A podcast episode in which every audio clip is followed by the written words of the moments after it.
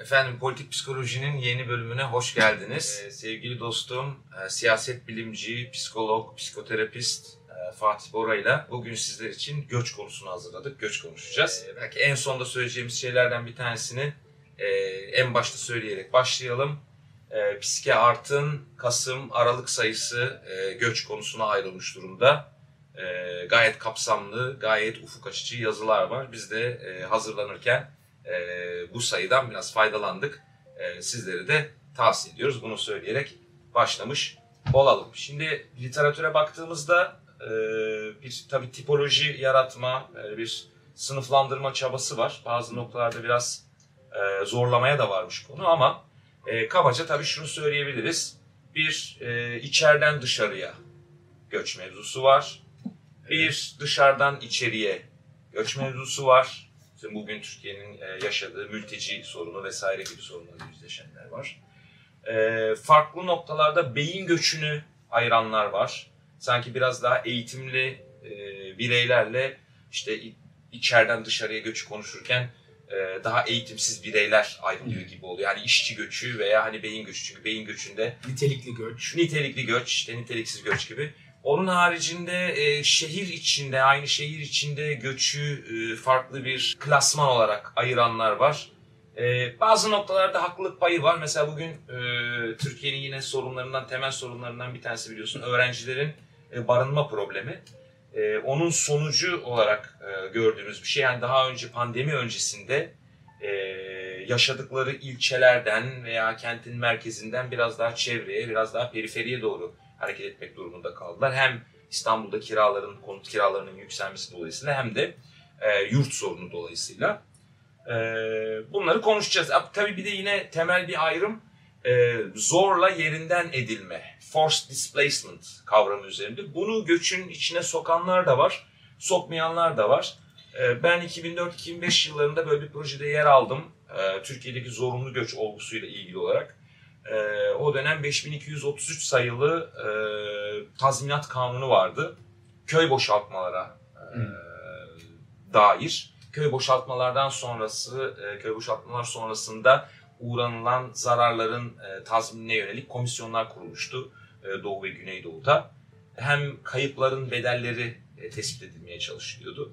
Bunların tabii ki hem ciddi anlamda sosyolojik, kültürel ama aynı zamanda da e, psikolojik sonuçları oluyor. Kapsamlı bir konu. İki programa böleceğiz. E, öyle konuştuk. Nasıl başlamak istersiniz? Şöyle başlayalım. Yani söylediğin gibi konu çok geniş, çok kapsamlı. Türkiye'ye de bakarsak burası tamamen neredeyse en temel unsurlarımızdan bir tanesi göç meselesi. Burası bir gö- göç ülkesi. Evet. Buraya özellikle 19. asrın ikinci yarısından itibaren ciddi bir göç var. Çok göç geldi. Buraya gelen insanların yaşadıkları travmalar var. Biz bunlarla neredeyse hiç yüzleşmedik ve bunlarla ilgili konuşmadık. Buraya gelen insanların gelişinden dolayı, bu gelişlerden devam eden durumdan dolayı burada yaşayan insanlarınla adaptasyon problemi var. Bur- Burada bir mesele var. Ben bunu birkaç kere daha söyledim. Kısmen bununla ilgili linç de edildim. Evet. Ama gene de bu konuyla ilgili konuşmak lazım. Türkiye'de bir yerde halen bu içerideki göçü biz konuşamadık. Türkiye'nin Anadolu'nun yerlileriyle, Anadolu'nun ahalisiyle Balkanlardan geçenin, gelenlerin tam uyuşması bitmedi. Hatta bu bizim siyasi kavgamızın da arkasında, altında, derininde yaşamaya devam ediyor. Bir bu meseleyle ilgili konuşmamız bence gerekiyor. Yani Türkiye'ye kim geldi? Buradan giden göçlerin yarattığı meseleden bahsetmemiz lazım.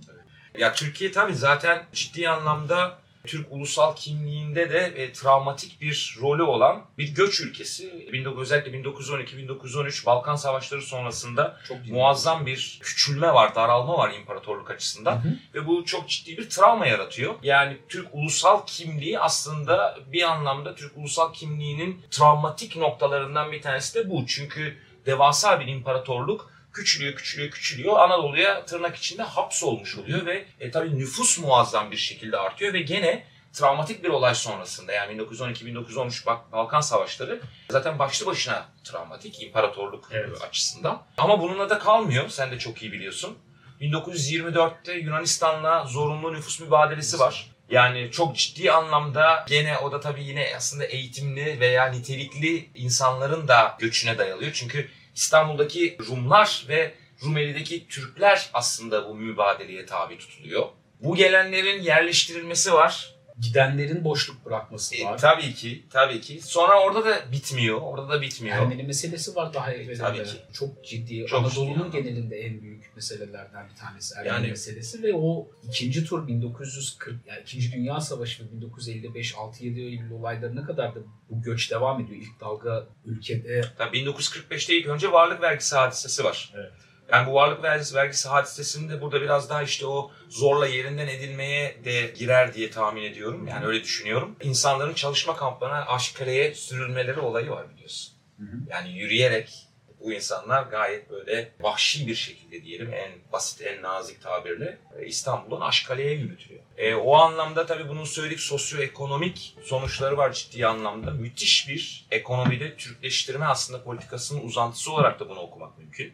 Gene 6-7 Eylül olaylarında 1955'te ki bugün son yaklaşık 10 senede bu konuyla ilgili çok daha fazla yazılıp çiziliyor. Çok daha fazla belge ve fotoğraf mevcut. Hem izleyicilerimize hatırlatmış olalım hem belki genç dostlarımız bizi izliyordur. Onlara onları bilgilendirmiş olalım. Öyle bir kaygımız yok. Kimseyi bilgilendirmek bizim haddimize değil ama 1955'te bir yandan da Yunanistan'la Kıbrıs üzerinden yaşanan gerginliğin de bir uzantısı olarak Atatürk'ün Mustafa Kemal'in Selanik'teki evine bir, bugün artık biliyoruz ki bir MIT görevlisi tarafından bir ses bombası atılıyor. Ek o gün baskı yaptırılacak şekilde meşhur Sipa presinde kurucusu daha sonra kurucusu olacak.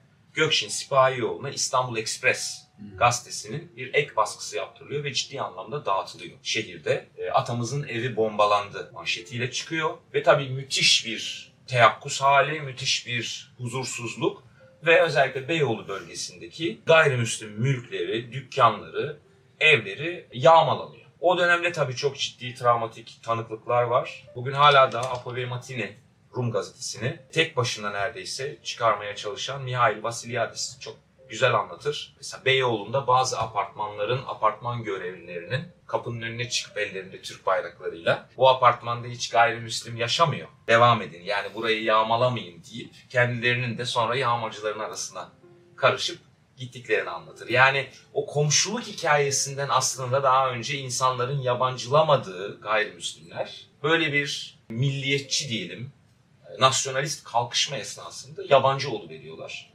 İşte evleri ya- yağmalanabilecek, mülkleri gasp edilebilecek insanlar konumuna geliyorlar. Sadece Osmanlı'nın son döneminde değil, Cumhuriyet'in ilk yıllarında ve hatta neredeyse 50'lere 60'lara kadar devam eden bir süreç var ki sonrasında zaten 90'larda 2000'lerde dediğimiz gibi devam eden bu köy boşaltmalar dolayısıyla bu yerinden edilme, zorla göç tekrar işte Diyarbakır gibi, Mersin gibi şehirleri hem müthiş karışık hale getirdi hem orada çocuk işçiliğinin artmasına sebep oldu. Aileler açısından bunların problemleri var. Yani ciddi anlamda ele alınması gereken, derli toplu konuşulması gereken bir konu.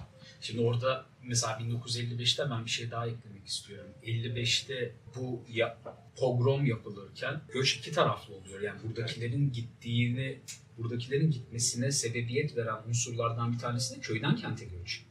Çünkü köyden gelen insanların da burada barınma problemi var. Aslında bir kıvılcıma bütün meselenin bakmasının sebeplerinden birisi de bu. Biz o 1955 olaylarını çift taraflı da bakmaya çalışalım bu programda bence köyden gelen kente göçü ve kentten, küçük kentten, kasabadan büyük şehre göçü aslında bunların hepsi bir göç hikayesi. Tabii. Bu göç hikayeleri halen devam ediyor ve son 5-10 yıl içerisinde sanırım birazcık dinginleşecek gibi oldu. Şimdi de bir mülteci meselesiyle karşı karşıyayız. Son 10 yıldır yaşadığımız bir mülteci meselesi de var. Bundan önce 89'da gelen muhacirler vardı buraya. 94-90'lı yıllardaki Bosna Savaşı'ndan gelen muhacirler var. Bir şekilde Evet. imparatorluk bekası olma, ulus devlet olma ve aslında geçiş yolları üzerinde bulunmanın sonucu olarak ülke tamamen bir göç ülkesinde olmaya devam ediyor. Bir yerleşik hayata geçme, sürekliliğin arz edilmesi aslında programın bir tarafında işte oradan başlayacağız. Yani ondan devam etmek istiyorum. Bu göç kültürü bizim bütün yapımızı oluşturuyor. Mesela yazılı kültürün çok oluşmamış olması, halen yazınla ilgili, yazın kültürüyle ilgili bu kadar devam etmemesi göçle alakalı. Mimarimiz bu göçle alakalı. Yani birkaç nesildir aynı yerde yaşamıyoruz ki kaç tanemiz dedemizin doğduğu yerde, aynı şehirde dedemizin yaptığı evin yanından geçebiliyoruz. Tabii.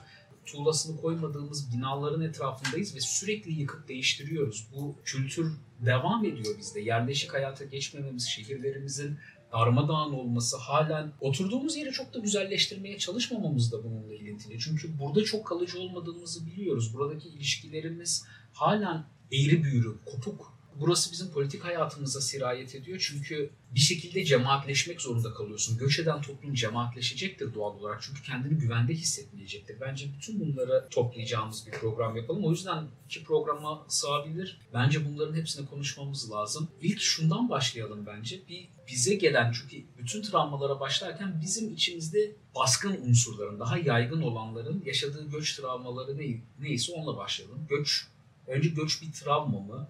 Ben bence önce bunu söyleyeyim. Göç kesinlikle travma. Yani bu göç psikolojisi olarak bunu çalışanlar da var. Hı hı. Ayrıca yine kaynaklar şunu gösteriyor.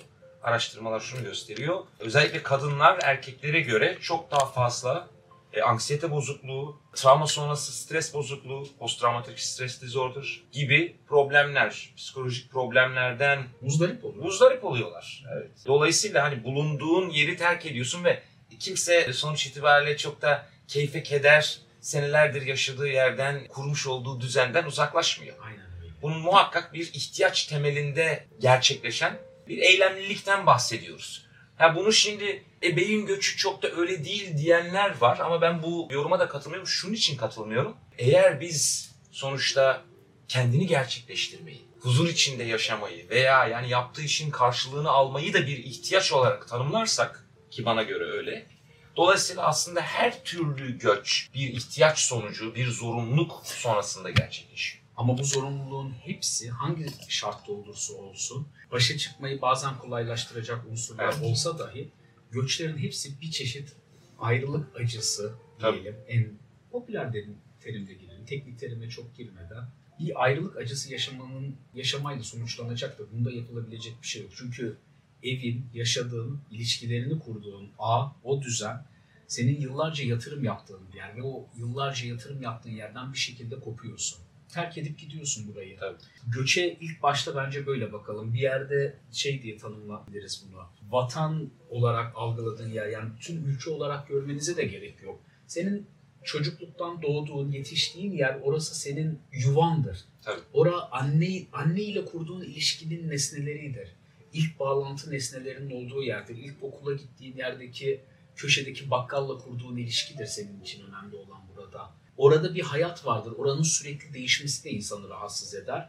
Tüm bu sistemin içerisinde orada kurduğun bağlantıları, orada kurmuş olduğun ilişkileri terk edip gitmek büyük bir sıkıntıdır. Yani şöyle söyleyebilirim. Hayatın boyunca göç eden modern insan, şu anki modern insan çok daha göç ediyor. Göçebe bir hayat yaşıyoruz. Bu göçebe hayatın içerisinde yüzlerce defa yeniden ilişkiler kurup bu ilişkilerden kopup yeniden geri dönüp ilişkiler kuruyoruz. Ve bu bizde aslında bir güven bozukluğuna da yol açıyor. Tamam aynı köy... Yüksek ihtimalle bağlanma problemleri Bağlanma de değil mi buralardan kaynaklanıyor ya da farklı bağlanma türleri, tiplerini. Yani bu daha çocuklukta olan problemlerin sonradan tetiklenmesine yol açar. Tek sebep budur diyemem ama burada yaşadığımız travmalar var bizim. Ben şeye özenirim. Çocukluğunu beraber geçirdiği insanlarla aynı yerde yaşamaya devam eden, aynı şehirde, aynı köyde, aynı kasabada, aynı yerleşim yerinde devam eden insanların insanlara özenirim ki uzun yaşam, sağlıklı yaşamda bunun ilintilerini yapan çok çalışmada oldu bundan sonra. İşte Okinawa örneği verilir, Girit Adası örneği verilir. Buradaki temel değişkenlerden bir tanesi ne yiyip ne içtikleri değil. Aynı ilişkiler ağını yıllarca devam ettirmek aslında. Biz bunları defalarca koparttık. Siyasi sebeplerle koptu. İmparatorluğun dağılması bunlara sebebiyet verdi. İçerideki politik meseleler oldu. Kürt meselesi gibi meseleler yaşadık. Karşı taraftan bize gelen göçler oldu. O yüzden ben dedim ilk önce göçün bir travma olduğunu, bunun stres bozukluğuna yol açtığı ve başa çıkmanın çok da kolay olmadığıyla başlayalım. Çünkü göçün bir travma olduğunu kabul etmezsek, göçü geçiştirirsek başka insanların yaşadığı travmaları da, burada yaşanılan problemleri de görmezden gelme eğiliminde oluruz. İlk önce mesele şu, kendi yaşadıklarımıza bir dönüp odaklanmamız lazım. Biz ne yaşadık burada? Bize ne devredildi? Bize devredilen travma, yani belki biz direkt yaşamadık bunu, dedemiz göç etti buraya. Evet. Ama göç eden dedemizin yaşadığı güven problemi iki nesil sonraya da aktarılmış olabilir bize. yabancılara karşı güvensizlik olarak bize geliyor olabilir veya içerideki azınlık unsurlara karşı güvensizlik olarak gelebilir. Şimdi kim bize şunu söyleyebilir? Balkanlardan göç ettirilmiş veya Kafkaslardan göç ettirilmiş insanların buradaki Ermeni veya Rumlara karşı ilk gelen göçlerle ilgili söylüyorum. Tedirgin olmayacağını. Çünkü aynı durumu yaşadı. Selanik'ten göç ettirilirken bu insan komşusu olarak gördüğü Rum'la yaşadığı bir travma var. Evinden evine çöküldü bu insanın. Evi gasp edildi. Mecburen yollara gitti. Te- tecavüze yakın bir travmadır. Ki bu göç travmaları içerisinde yaşanılan, göçün içerisinde yaşanılan travmalardan bir tanesi taciz, tecavüz travmasına çok benzer. Senin yıllarca özene bezene yaptığın evin içerisine insanlar postallarıyla giriyorlar. Yıkıyorlar evini. Ve yaşadığın güvensizlik duygusunu düşünebiliyor musun? Ben burayı yıllarca ekip biçmişim ve Evet. burası şu anda yok ediliyor. Ve geldiğin yerde senin evini yıkan unsurlardan insanlar yaşıyor. Güvensizlik duyacaksındır buraya. İşte orada aslında belki siyasi otoritenin sorumluluğunda aslında o insanların o insanlar olmadığını onlara aksettirmek ya da onlara hatırlatmak. Kısmen öyle. Evet doğru söylüyorsun yani bunu yapabilirsin ama 19. asırda bu çok kolay değildi. Tabii. 19. asırda şimdiki gibi teknikler yok, iletişim bu kadar güçlü değil, okullarda çok okul bu kadar okullaşma yok. Bunların olamadığı bir dönemde de geliyorlar. Gelen insanlar da burada kucakları aç, yani insanlar kucağını açmış bir şekilde beklemiyor. Onlar da geleni yabancılıyor. Çünkü gene az önce söylediğim gibi senin anıların var burada. Karşı komşunla, ya köşedeki bakkal Hasan amca var. Bakkal Hasan amca ile beraber senin çocukluktan itibaren kurduğun bir ilişki var. Sen biliyorsun bakkal Hasan amcaya güveniyorsun. Orada kurduğun bir ilişki var. Yarın orası değişiyor, el değiştiriyor. Başka birisi geldi oraya. Yeni bir bakkal geldi. O bakkal kapandı, başka bir şey oldu. Çünkü yeni göç eden başka bir şeyle geldi. Bu da sende aidiyet hissini azaltır. Bu da insandaki aidiyet hissini azaltır. Bu da orada yeniden güvensizlik, yeni gelene karşı güvensizlik tetikler. Mesela biz ilk gelen 19. asırda gelen göçlerle ilgili çok fazla bir şey bilmiyoruz. Belki bazı romanların içerisinde bahsedilir hafif ama üstü örtülmüştür. Bence Türkiye'nin en büyük problemlerinden birisi bu. Balkan ve Kafkaslardan 19. asırdan itibaren gelen göçlerin yaşadığı travmayı bizim konuşmamamız. Birinci Evet. mesele bu. Çünkü bunu konuşmadığımız zaman kendimizin Türkiye'deki en kalabalık unsurların yaşadığı travmaya dönüp bakmadığımız zaman geri dönüp diğerlerine de bakamıyoruz. E biz bunu göz ardı ettik, sen de göz ardı ediyoruz. Evet. Ama giden Ermeni bunu yapmıyor, o anlatıyor. Onun anlatmasına da sen niye anlatıyorsun? Çok gayri insanileştirerek orada insani bir şey olmamış gibi anlatıyoruz. Ama orada o travmanın içerisinde onun gitmesinin ben, ben burada şeyden bahsetmiyorum. Soykırım meselelerine de girmiyorum hiç. Yani orada yaşanılan acılardan vesaire de bahsetmiyorum sadece. Bir kişinin buradan gitmesi senin evini yaptırdığın komşun çıkıp gitti. Komşularının çoğu bu şehri terk etti gitti ve yeni insanlar geldi. Sen bunlarla nasıl adapte olacaksın, nasıl güveneceksin? Güvenmiyorsun. Evet. O yüzden cemaatleşiyorsun. Kendi köyüne, kasabandan, senden olan aile bireylerinin, efratının olduğu yerine yerde öbekleşiyorsun. Ve bu öbekleşmenin bir sonucu oluyor. Bu mahallenin, mesela şu anda çekim yaptığımız yer Tophane, Kapıkulu Sokak civarı. Şimdi burası iki tane göç hikayesinin iç içe geçtiği bir yer. Şu Kapıkulu Sokak mahalleliler tarafından eskiden beri Gavur Mahallesi olarak adlandırılır. İlk İtalyanların kurduğu sonra Rum İtalyan sokağı falan da diyorlar ya. Rumların yerleştiği bir mahalleydi. Aşağı taraf daha sonra Siirtli, daha ziyade çoğunlukla Arap, Bitlisliler, Bitlisli Kürtler var. Siirtli, Arapların çoğunlukta olduğu bir mahalle. Hazen'de illi, şey, ilçesi Dayanışma Derneği var. Karşı tarafta Bitlisler Dayanışma Derneği var. Kendi içlerinde bile iyice mikro milliyetçiliğe doğru geliyor. Çünkü göç ettiği yerde güvenlikte hissetmiyor kendini. Cemaatleşmek zorunda hissediyor insanlar bu kadar göçün olduğu bir yerde de işte bizim kaç tane programdır devam eden o cemiyet cemaat meselesinden Tabii. bahsedip duruyoruz yani demokrasiyle de bu ilintili. Cemaatleşmek zorunda kalıyorsun. Bu cemaatler kim yerde dini cemaatlere dönüşüyor, kim yerlerde kültürel cemaatlere dönüşüyor ve kim yerde de tamamen ilkel bir şekilde bizim köylülerimiz bir araya geldik. Biz burada bir aradayız ve biz cemaatiz birbirimizi koruyacağız psikolojisine doğru itiliyorsun. Bu bizim toplumumuzdaki yapılanmayı da değiştiriyor.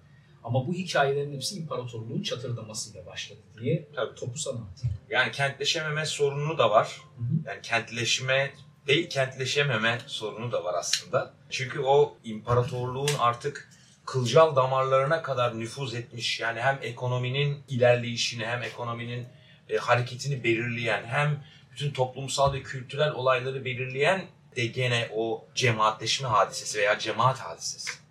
Yani sosyolojik anlamda kullanıyorum bunu. Yani o cemaatten, o cemaat halinden cemiyet haline geçememek aslında yine bizim kent yapılarımıza da sirayet etmiş vaziyette. Yani burada belki başka toplumlarda olduğu gibi bir seçili trav, seçilmiş travmadan bahsetmiyoruz göç üzerinden ama üzeri örtülmeye çalışılan bir hadiseden bahsediyoruz. Yani bu sanki göz ardı edilmeye çalışıyor. Yani Naim Turfan'ın mesela rahmetli Naim Turfan'ın önce İngiltere'de yayınlanmış ardından Türkçe'de çevrilmiş İttihat ve Terakki'nin Müslümanları İskan Politikası diye şahane bir kitabı var. Yani müthiş bir şekilde aslında gene nasıl o göçle Anadolu'ya gelenler kendi aralarında yine o cemaat kültürünü devam ettirmesinler diye onların Anadolu'nun çeşitli köşelere nasıl yayıldığını yani daha doğrusu dağıtıldığını, serpiştirildiğini anlatır. Ve bir yandan da aslında biz hem o senin de bahsettiğin Rumeli'den ve Kafkaslardan başlayan belki zirvesini 1912-1913 Balkan Savaşları'yla yapan süreçten sonra ve ardından gene bu 1924 nüfus Yunanistan'la olan nüfus mübadelesinde de bir yanda da çok ciddi anlamda bir ekonomik güç de kaybediyoruz. Çünkü o iskan politikası mantığıyla sulu tarım yapan yerden gelenler Anadolu'da kurak yerlere, kurak yerden gelenler belki deniz kenarlarına veriliyor vesaire, dağıtılıyor, serpiştiriliyor. Ve ciddi anlamda bir iş gücü kaybı da oluşuyor aslında. Hem imparatorluğun son yıllarında hem de Cumhuriyet'in erken dönemlerinde. Yani bu çok boyutlu bir hadise. En son senin attığın tweette yani son dönemlerde attığın tweetlerden bir tanesinde acaba işte biraz fazla mı romantize ediyorsunuz ya da fazla mı dramatize? Yani bu hem romantize edilmesi gereken hem de bir yandan da ciddi anlamda dramatize edilmesi gereken bir konu yani. Yani bunun büyüklüğünü, bunun etkisini anlamak gerçekten ancak o şekilde mümkün olabilir. Yani çok uzaktan bakarak böyle o insanlarla derinlemesine görüşme yapmadan ya da birebir oturup konuşmadan bu çok anlaşılabilecek bir şey değil. Yani ikimiz de mesela gayet iyi biliyoruz ki yani bugün bile Anadolu'da bazı şehirlerde, şimdi kimsenin tepkisini çekmeyelim, kent merkezinde yani kalıntı halinde veya eski olduğu bilinen bir yapı alındığında tadilattan önce bir kazı yapılır acaba oradan göç ettirilenlerden kalan bir küp çıkar mı vesaire falan filan diye. Yine sevgili dostum tarihçi Ümit Kurt'un sonra kitap da haline getirilmiş olan doktora çalışması bir yandan bu mal mülk geçişine de odaklanır. Anadolu'da ve özellikle Gaziantep. Yani müthiş bir aslında orada sermayenin transferi konusu da var. Yani bu göç, göç ettirilenler sonrasında kalanlar açısından da çok ciddi anlamda bir etki yaratıyor.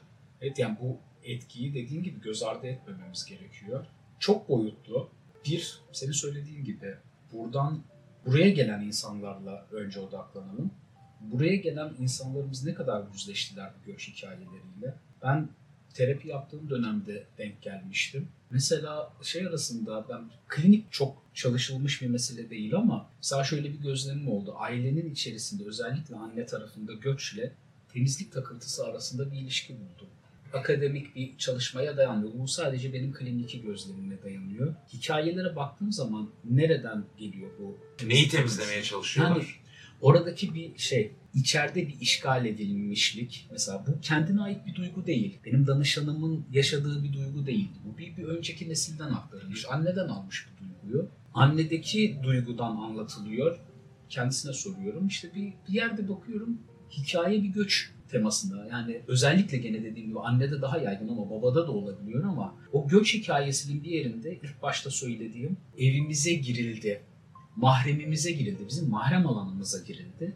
Mahrem alanımız kirletildi hissi. Bu yolun içerisinde yaşanılan ve hiç anlatılmayan travmalar var. Biz mesela dediğim gibi Ermeniler mesela bu tehcir hikayesinde geri dönüp anlattılar. Bizdekiler, bize gelenler anlattı mı acaba? Yani Selanik'ten gelen insan yolda ne yaşadı? o gurur kırılması, o, orada narsistik incinme, narsistik incinme dediğim yani kendi kimliğinin, varlığının, benliğinin özünde incindiği nelerle karşılaştı. Biz bunlarla ilgili hiçbir şey konuşmadık. Bizim resmi tarihimizin içerisinde de bir parça değil. Maalesef. Bizim sosyal hayatımızın içerisinde de bir parça değil. Mesela bununla hiç yüzleşmediğiniz zaman Bununla hiç karşılaşmadığımız zaman, buraya geldikleri zaman ne oldu? Ben mesela kendi birebir şahit oldum. 89 muhaciri arkadaşlarla, Bulgaristan muhaciri arkadaşlarımla çok yakındım bir dönem Bilkent'te okuduğum dönemde Ankara'da. Mesela şunu biliyorum geldikleri zaman mezarlıkla ilgili problem yaşadılar. Yerliler siz gavursunuz dediler. Siz gavursunuz bu mezarlıkta ne işiniz var diye burada dışladıkları oldu. Kendileri bunu anlatmışlardı Ankara'da Pursaklar'da. Pursaklar'da yaşayan arkadaşlarım, mahalleliler işte benim arkadaş grubumun çoğu aynı şehirden, aynı köyden. Razgrad'ın 3-5 tane bitişik köyünden gelen arkadaşlardı. Onlar burada gene bir cemaat yapısı oluşturmuşlardı. Ve şimdi buradan Hollanda'ya, belki programı seyrediyorlardır, selam söyleyeyim burada. Buradan Hollanda'ya hep beraber gittiler. Hayatlarında bazı sabitleri tutarak, yani birbirlerine cemaat olarak sarılmışlardı ama şu meseleleri de devam ediyordu. Buraya geldikleri zaman çok hoş karşılanmadılar. Burada uyum problemleri yaşadılar. Buradaki halk da onlara tedirgin gözle baktı. Bunlar kim? Gelip bizim kültürümüzü mü değiştirecekler? Ki kaldı ki işte mülteci meselesinde bunu biraz daha farklı yaşıyoruz. Programın ilerisinde bunu konuşuruz daha günümüze gelirken. Ama bunlar birbiriyle ilintili. Gelenle giden arasındaki sıkışmışlık bir yerde kalanın buradaki kendi kimliğini sürekli yeniden inşa etmesi başka bir problem ve başka bir meselemiz de tabii ki bizim köyden kente göçümüz. Bizim aynı şehirde yaşayan ne kadar nüfusumuz var. Yani biz köyde yaşıyorduk dedelerimiz çoğumuza bakarsak iki jenerasyon veya maksimum üç jenerasyon önce Anadolu'nun bir köyündeydik veya dört jenerasyon önce Balkanların bir köyündeydik. Sonra bir kasabaya geldik ve sonra oradan bir şehre geldik ve sonra o şehirden büyük şehire geldik. Aslında dört jenerasyon içerisinde hiçbirimiz doğduğu yerde neredeyse yaşamamış gibiyiz. Bu kadar göçün olduğu bir yerde, bu kadar krizin olduğu bir yerde de biz bundan neredeyse hiç bahsetmiyoruz. Bana çok ilginç geliyor. Hiç bahsetmiyoruz ve biz bununla hiç bahsetmediğimiz için biz bu göçün sonucunda bir şeyler yaşadık. Mesela asimile oldukla ilgili küçük de olsa beyanat veren küçük bir şeyler oldu. Deutsche Welle'nin o yaptığı Çerkesler programında çok küçücük. Ben de programı izledim. Böyle bir Eyullah Beyullah oldu. Vay Alman vakfı bilmem ne yaptılar da şunu ettiler de bunu ettiler dedi. Çok basit bir şeyden bahsettiler aslında. Asimile oluyoruz. Ya asimilasyon çok kötü bir şey olmak zorunda da değil. Biz asimilasyona kötü bir anlam yüklüyoruz. Ayıp bir şeymiş gibi bir anlam yüklüyoruz ama asimile olursun zaten. Dominant olana, daha güçlü olan kültüre asimile olmak çok doğaldır. Ama burada bununla ilgili ya dilimiz kayboluyor dedikleri İşte orada belki anda- asimilasyonla entegrasyon arasında bir fark var. Asimilasyon biraz daha sanki zorla gerçekleştiriliyor gibi. Yani entegre olmak denildiğinde biraz daha hani adapte olmak ama tabii entegrasyonda biraz kendi kültüründen de gittiğin kültüre katmak var. Evet işte Yani asıl mesele burada o. Tabii. Şimdi gene başa dönersek sen kendi yaşadığın travmayla sen, sen göç ettiğin zaman neler yaşadıysa, yüzleşmediysen, bunu sümen alt ettiysen ve normalleştirdiysen, bunu hiç konuşmadıysan bile, üstünü örttüysen, bir gün karşında senle beraber yan komşun ben burada problem yaşıyorum dediği zaman ne problemi diye yüksek sesle bağırırsın. Çünkü bunu bağırma şunu, şundan dolayıdır. Sen geri dönüp seninkinle de konuşmak zorundasın. Senin meselenle de konuşmak zorundasın. Biz Türkiye'de hadi hepsini unutalım, bir çizgi çizelim, tarihi 1923'te başlatalım. Orada da çok güzel oldu. Seçmece güzel yaşadığımız zaferlerimiz, başarılarımız bunlardı. Onun dışındakileri de konuşmayalım üzerinde bir tarih anlatısı kurduğumuz için ne yaptığımızı bilmiyoruz. O yüzden bir yerlerden patlıyor. Biz orayı mı fethetsek, burayı mı fethetsek diyoruz. Bu gelenler niye söylenip duruyor? Bunların ne adaptasyon problemi varmış? Ne güzel ev bulmuşlar. Yani- şunu söylüyorsun sen. Geldin burada, sesini kes otur, tabii. sesini çıkartma. Ben bunu söyleyen kişiye gelip şunu dönüp so- sorasım geliyor. Sen buraya geldiğin zaman bugün, dün, 3 ay önce, 3 yıl önce, 30 yıl önce, 300 yıl önce bilmiyorum bir yerden geldi. Sana sesini kes otur dendi ve sen yıllardır acaba bunun duygusundan mı bunu yapıyorsun? Bu ne kadar ilintili? Bu şunla e, onu bilmiyorum ama şöyle bir şey var biliyorsun. Yani bu topraklarda da Türk milliyetçiliğini biliyorsun Kafkaslardan gelenler aslında tırnak içinde yaratmışlardır. Yani yaratmışlardır derken hani olmayan değil bunun bayrak taşıyıcılığını yapanlar. İlk kuru, kurucular işte Tabii. Zeki Velidi Toganlar. Yani e şimdi bir yandan da yine yakın dönem çalışmalara baktığımızda, yakın dönem çalışmalara baktığımızda bu şekilde birkaç jenerasyon önce göç edenlerin daha ziyade Bir yandan da tabii kendilerini kabul ettirebilmek için o kültüre böyle ekstrem noktalarda, uç çıkışlarda en çok onların bulunduğu görüyorum. Beni kabul edin diye aslında bağırıyor. Ben de sizdenim bakın. Onlar gibi ben yeni gelmedim. Evet ben de sonradan geldim ama ben onlardan önce geldim ve bakın ben sizin kültürünüzü benimsedim diye aslında bağırmaya çalışıyorlar içlerinde. Ama işte onu yaparken aslında bir yerde entegrasyon var. Yani yeni Tabii. gelen, yeni gelen kimse eskiye dair kültüre bir, bir şey katıyor. Bir şey katabiliyorsun oraya. Bu kattığın, yeni kültüre kattığın şeyi yeni kültür kabul ediyorsa evet entegrasyon öyle gerçekleşiyor. Entegrasyon olabilmesi için asimile olunanın da değişiyor olması lazım. Evet. Sadece asimile olan değişmeyecek. Asimile olunanın da dönüşmesiyle beraber asimile olan Tabii. yeni kültür içerisinde kendine bir pay bulduğu zaman kısmen evinde hissedebilir. Kısmen artık ben buraya aitim hissine sahip olabilir. Çünkü bizim burada ilk, ilk temel kurduğumuz sebep, e, ilişkilerden birisi göçte şu. Sen ne kadar kabul ediliyorsun ve ne kadar güvende hissediyorsun artık kendini. Bu güvende hissetme meselesi önemli. İşte o güvende hissetmediğin andan itibaren konuştuğumuz cemaatleşmeye dönüyor.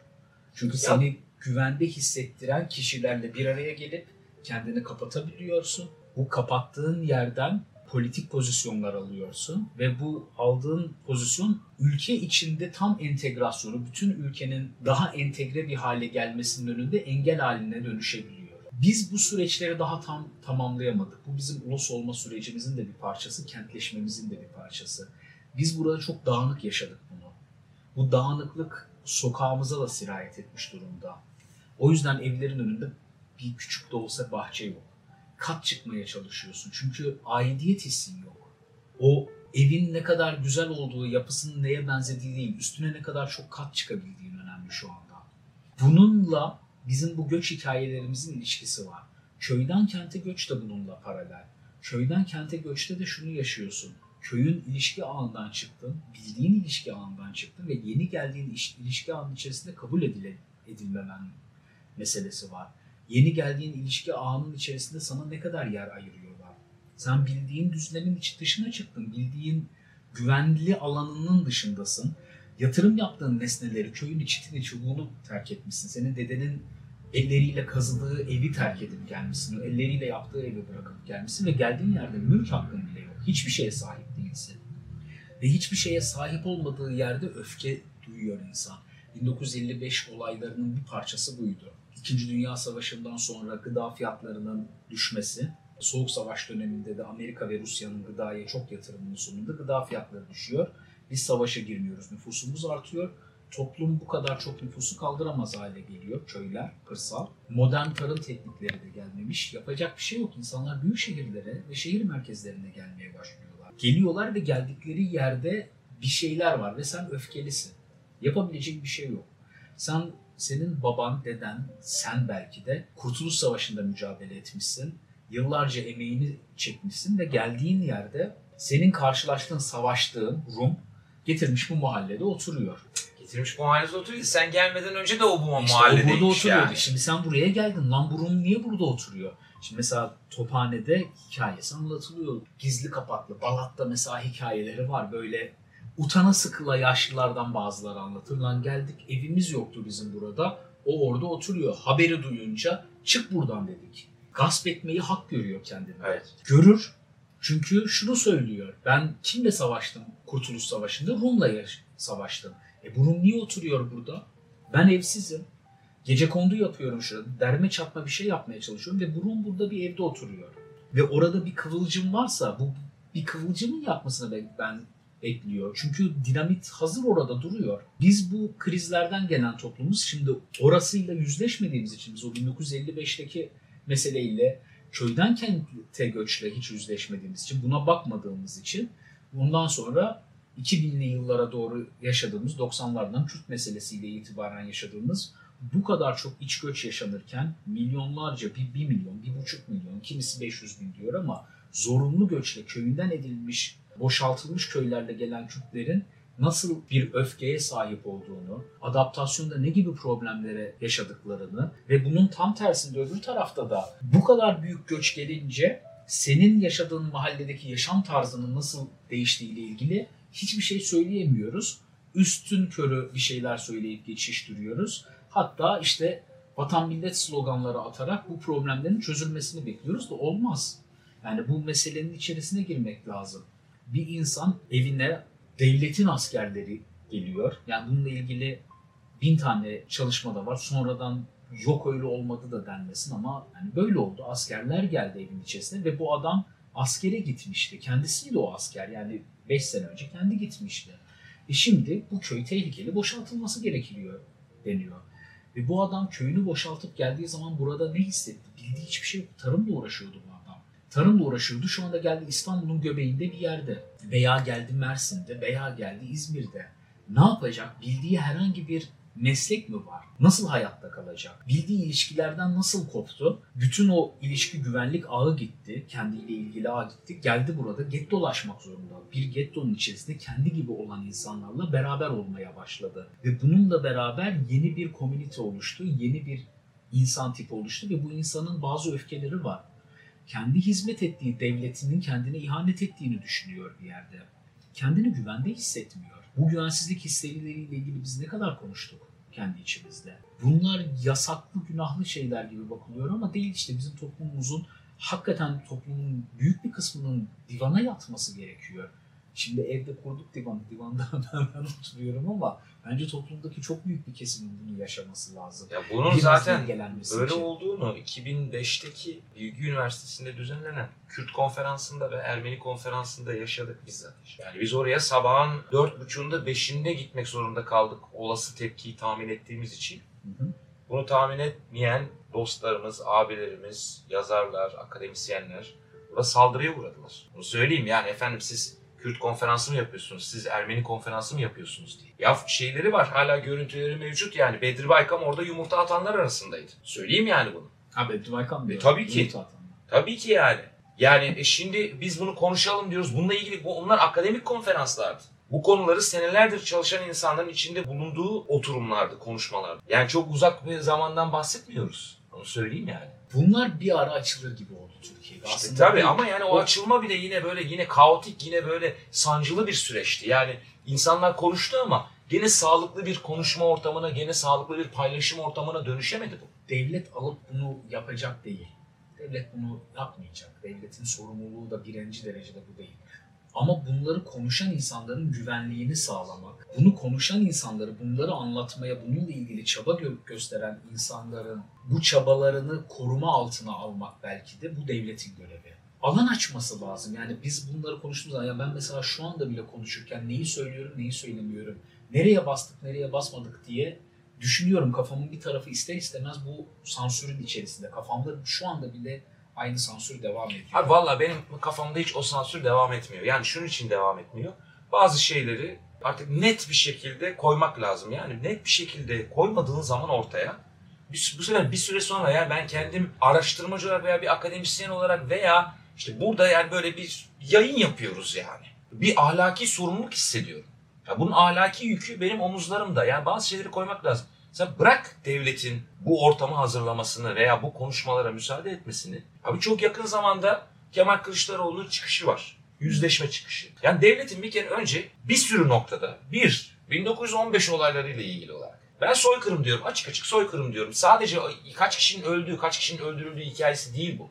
Yani soykırım literatüründe bu tanımlamalar yapılırken mala zorunlu el- zorla el koymalar, zorla din değiştirmeler, zorla evlenip kendi nüfusuna geçirmeler. Bunlar da bugün soykırım tanımının içinde. Ha şu tarihten önce olmuş, bu tarihten sonra olmuş. Ben de biliyorum bütün bunları. Tamam ama derdimiz o değil. Derdimiz bir tanımlama yapmak. Ya bunun uluslararası boyutu olacaktır, uluslararası hukuk boyutu olacaktır falan. Ben orasında değilim yani işin.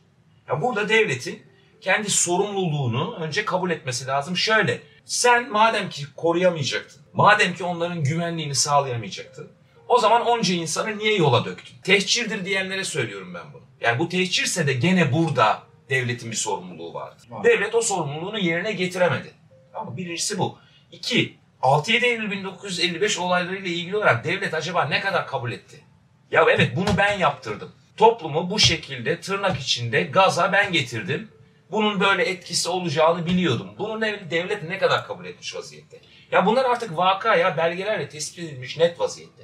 3. geçmişe dönüyor gibi yapıyoruz. Flashback gibi oluyor ama varlık vergisi olaylarından önce o dönemin başbakanı Şükrü Saracoğlu'na Rum cemaatinin, Ermeni cemaatinin ve Yahudi cemaatinin temsilcileri toplanıp gidiyorlar. Diyorlar ki Sayın Başbakan biz böyle bir haber aldık. Böyle bir şey duyduk. Böyle bir duyum aldık. Eğer böyle bir şey varsa yani devletin bir ihtiyacı varsa ve devlet bunu böyle bir vergi salmak yoluyla çözmeye kalkarsa özellikle de toplumun belli kesimlere yönelik olarak bu devletin itibarını zedeler. Biz kendi cemaatimiz içinde ihtiyaç kadar olan ya da elimizden geldiğince meblağı toplayalım ve devlete bağışlayalım diyorlar. Birebir şu kelimelerle Şükrü Saracoğlu şunu söylüyor. Sizi temin ederim ki böyle bir şey yoktur diyor. Ve bu konuşma olduktan yaklaşık bir hafta sonra varlık vergisi salınıyor. Şimdi bunların konuşulması lazım. Bunların net olarak ifade edilmesi lazım. Yani şimdi bir yerden başlayacak ya bu. Ya sen toplum içinde bıraktığın zaman bunu, bunun konuşulmasını, e bu sefer ahalinin insafına bırakıyorsun yani. Toplum içerisinde konuşulur ama bence de. Yani bunu Toplum içinde devlet- konuşulacak tabii ki ama de, şimdi herkesin eğer kendi sorumluluğunu, kendi kendi sorumluluğuyla yüzleşmesi, kendi hareketiyle yüzleşmesi gerekiyorsa, yani bir yandan toplum içinden konuşulurken bir yandan da devletin bunu yapması. Ya şimdi soykırım lafı geçtiğinde Avrupalı emperyalist devletleri hepimiz ağzımızda olduğunca eleştirmeyi biliyoruz. Ama siz de şurada soykırım yaptınız, siz de burada soykırım yaptınız. Tamam doğru ama onların çoğu bir yandan onlarla yüzleştiler. Evet. Yani bunu devlet olarak kabul ettiler ve çoğu zaman tazminat ödemeye kadar da vardırdılar bu sürecin sonucunda. İşte buradaki hikayenin başı şurada başlıyor. Bize soykırım yapıldı demedik biz hiç. Biz bize yapılan soykırımı hiç söylemedik. Evet. Yani Selanik'te Makedonya'da yapılmadı mı Türklere karşı, Müslümanlara karşı soykırım? Etnik temizlik yapılmadı mı Balkan Savaşları? Ya işte o konu geldiğinde de 1924 nüfus mübadelesi konusu bile geldiğinde o zaman da deniliyor ki ama o Venizelos'un teklifiyle oldu.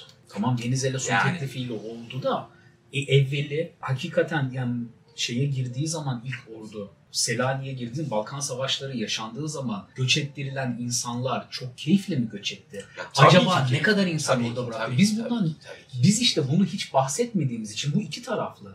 Biz kendi yaptıklarımızdan bahsetmemek için bize yapılandan bahsetmiyoruz. Biz bize yapılandan bahsetmediğimiz için başkasının kendine yapılanını söylediği zaman rahatsız, rahatsız oluyoruz. oluyoruz. Hadi gelelim bunların hepsinin üstünü örtelim diyoruz da içeriden bütün bu arızalar patlak veriyor. Başka yerlerde kendini gösteriyor.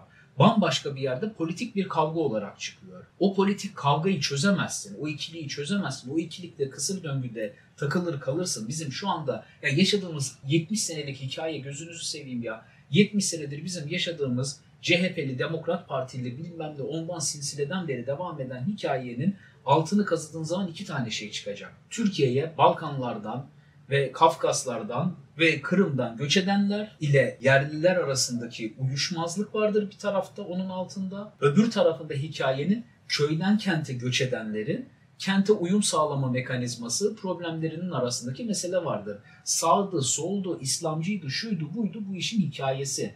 Köyden gelen adam burada şehre uyum sağlayabilmek için elindeki meşruiyet kaynağı olarak İslam'ı tutuyor. İslami cemaatleri tutuyor. Köylü değerlerini yani biz milliyetçi muhafazakar dediğimiz zaman ne anlatıyoruz? Neyi muhafaza ediyor bu adam? Onu onu orada keselim. Epey bir çünkü sevgili Yüce ve sevgili Oğuz uyarıyorlar. Ee, Onlar olmasa bu programı yapmamız mümkün değil. Onları belki görmüyorsunuz ama her zaman söylüyoruz. Yüce Dal Kılıç geçen sezon da bizim kamera arkasında program yönetmenimizdi. Program koordinatörümüzdü. Eksik olmasın. Ve sevgili Oğuz Bakır. Eğer onlar olmasa biz sizlere ulaşabiliyor olmayacağız. Uyarıyorlar. Bence de çok güzel hararetli bir yerdeyiz. Burada ilk programın sonuna gelmiş olalım. Geri kalan kısmı ikinci programda devam edelim. Görüşmek üzere bir sonraki yayında.